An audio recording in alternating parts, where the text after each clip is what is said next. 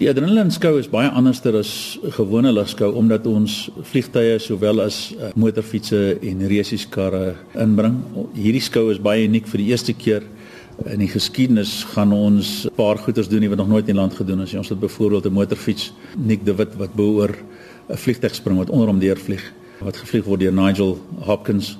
Ja, ons het dit laas jaar vir die eerste keer in Botswana gedoen en hierdie jaar sal dit nou die heel eerste keer hier op Wonderboom wees. Hoekom het julle besluit om hierdie ander elemente by te voeg soos die motorfiets en so aan?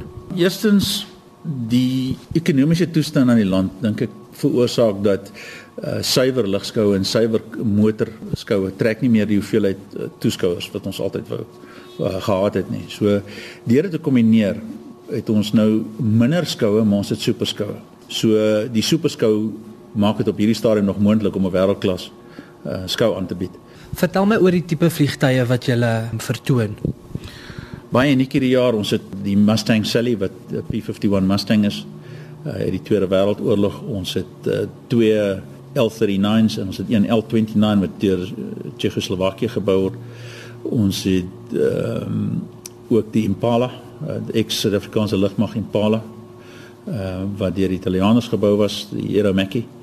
En dan het ons verskeie uh, aerobatic vliegtuie, ons het die extras en ons het uh, MX2s, ons het die RVs, ons het pit specials.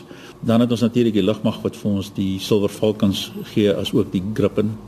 Die Gripen vlieg twee keer elke dag. Hier is nog 'n klein lughawe. Waar gaan alles inpas?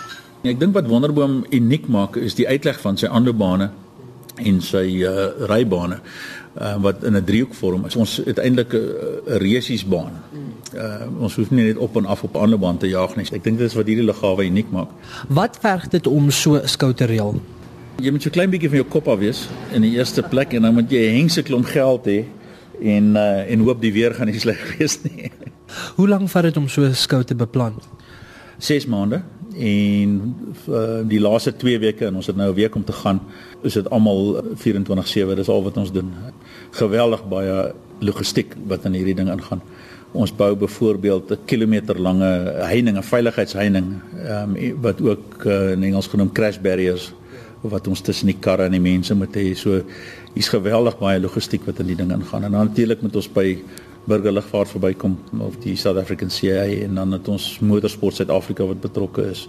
Van waar kom baie van hierdie vlieëniers en waar kry hulle hulle opleiding? Al die vlieëniers is Suid-Afrikaans. Dis eintlik 'n tragiese ding want die lot van ons wat vlieg is besig om al ouer te word en daar's baie min bloed wat nuwe bloed wat onderin kom.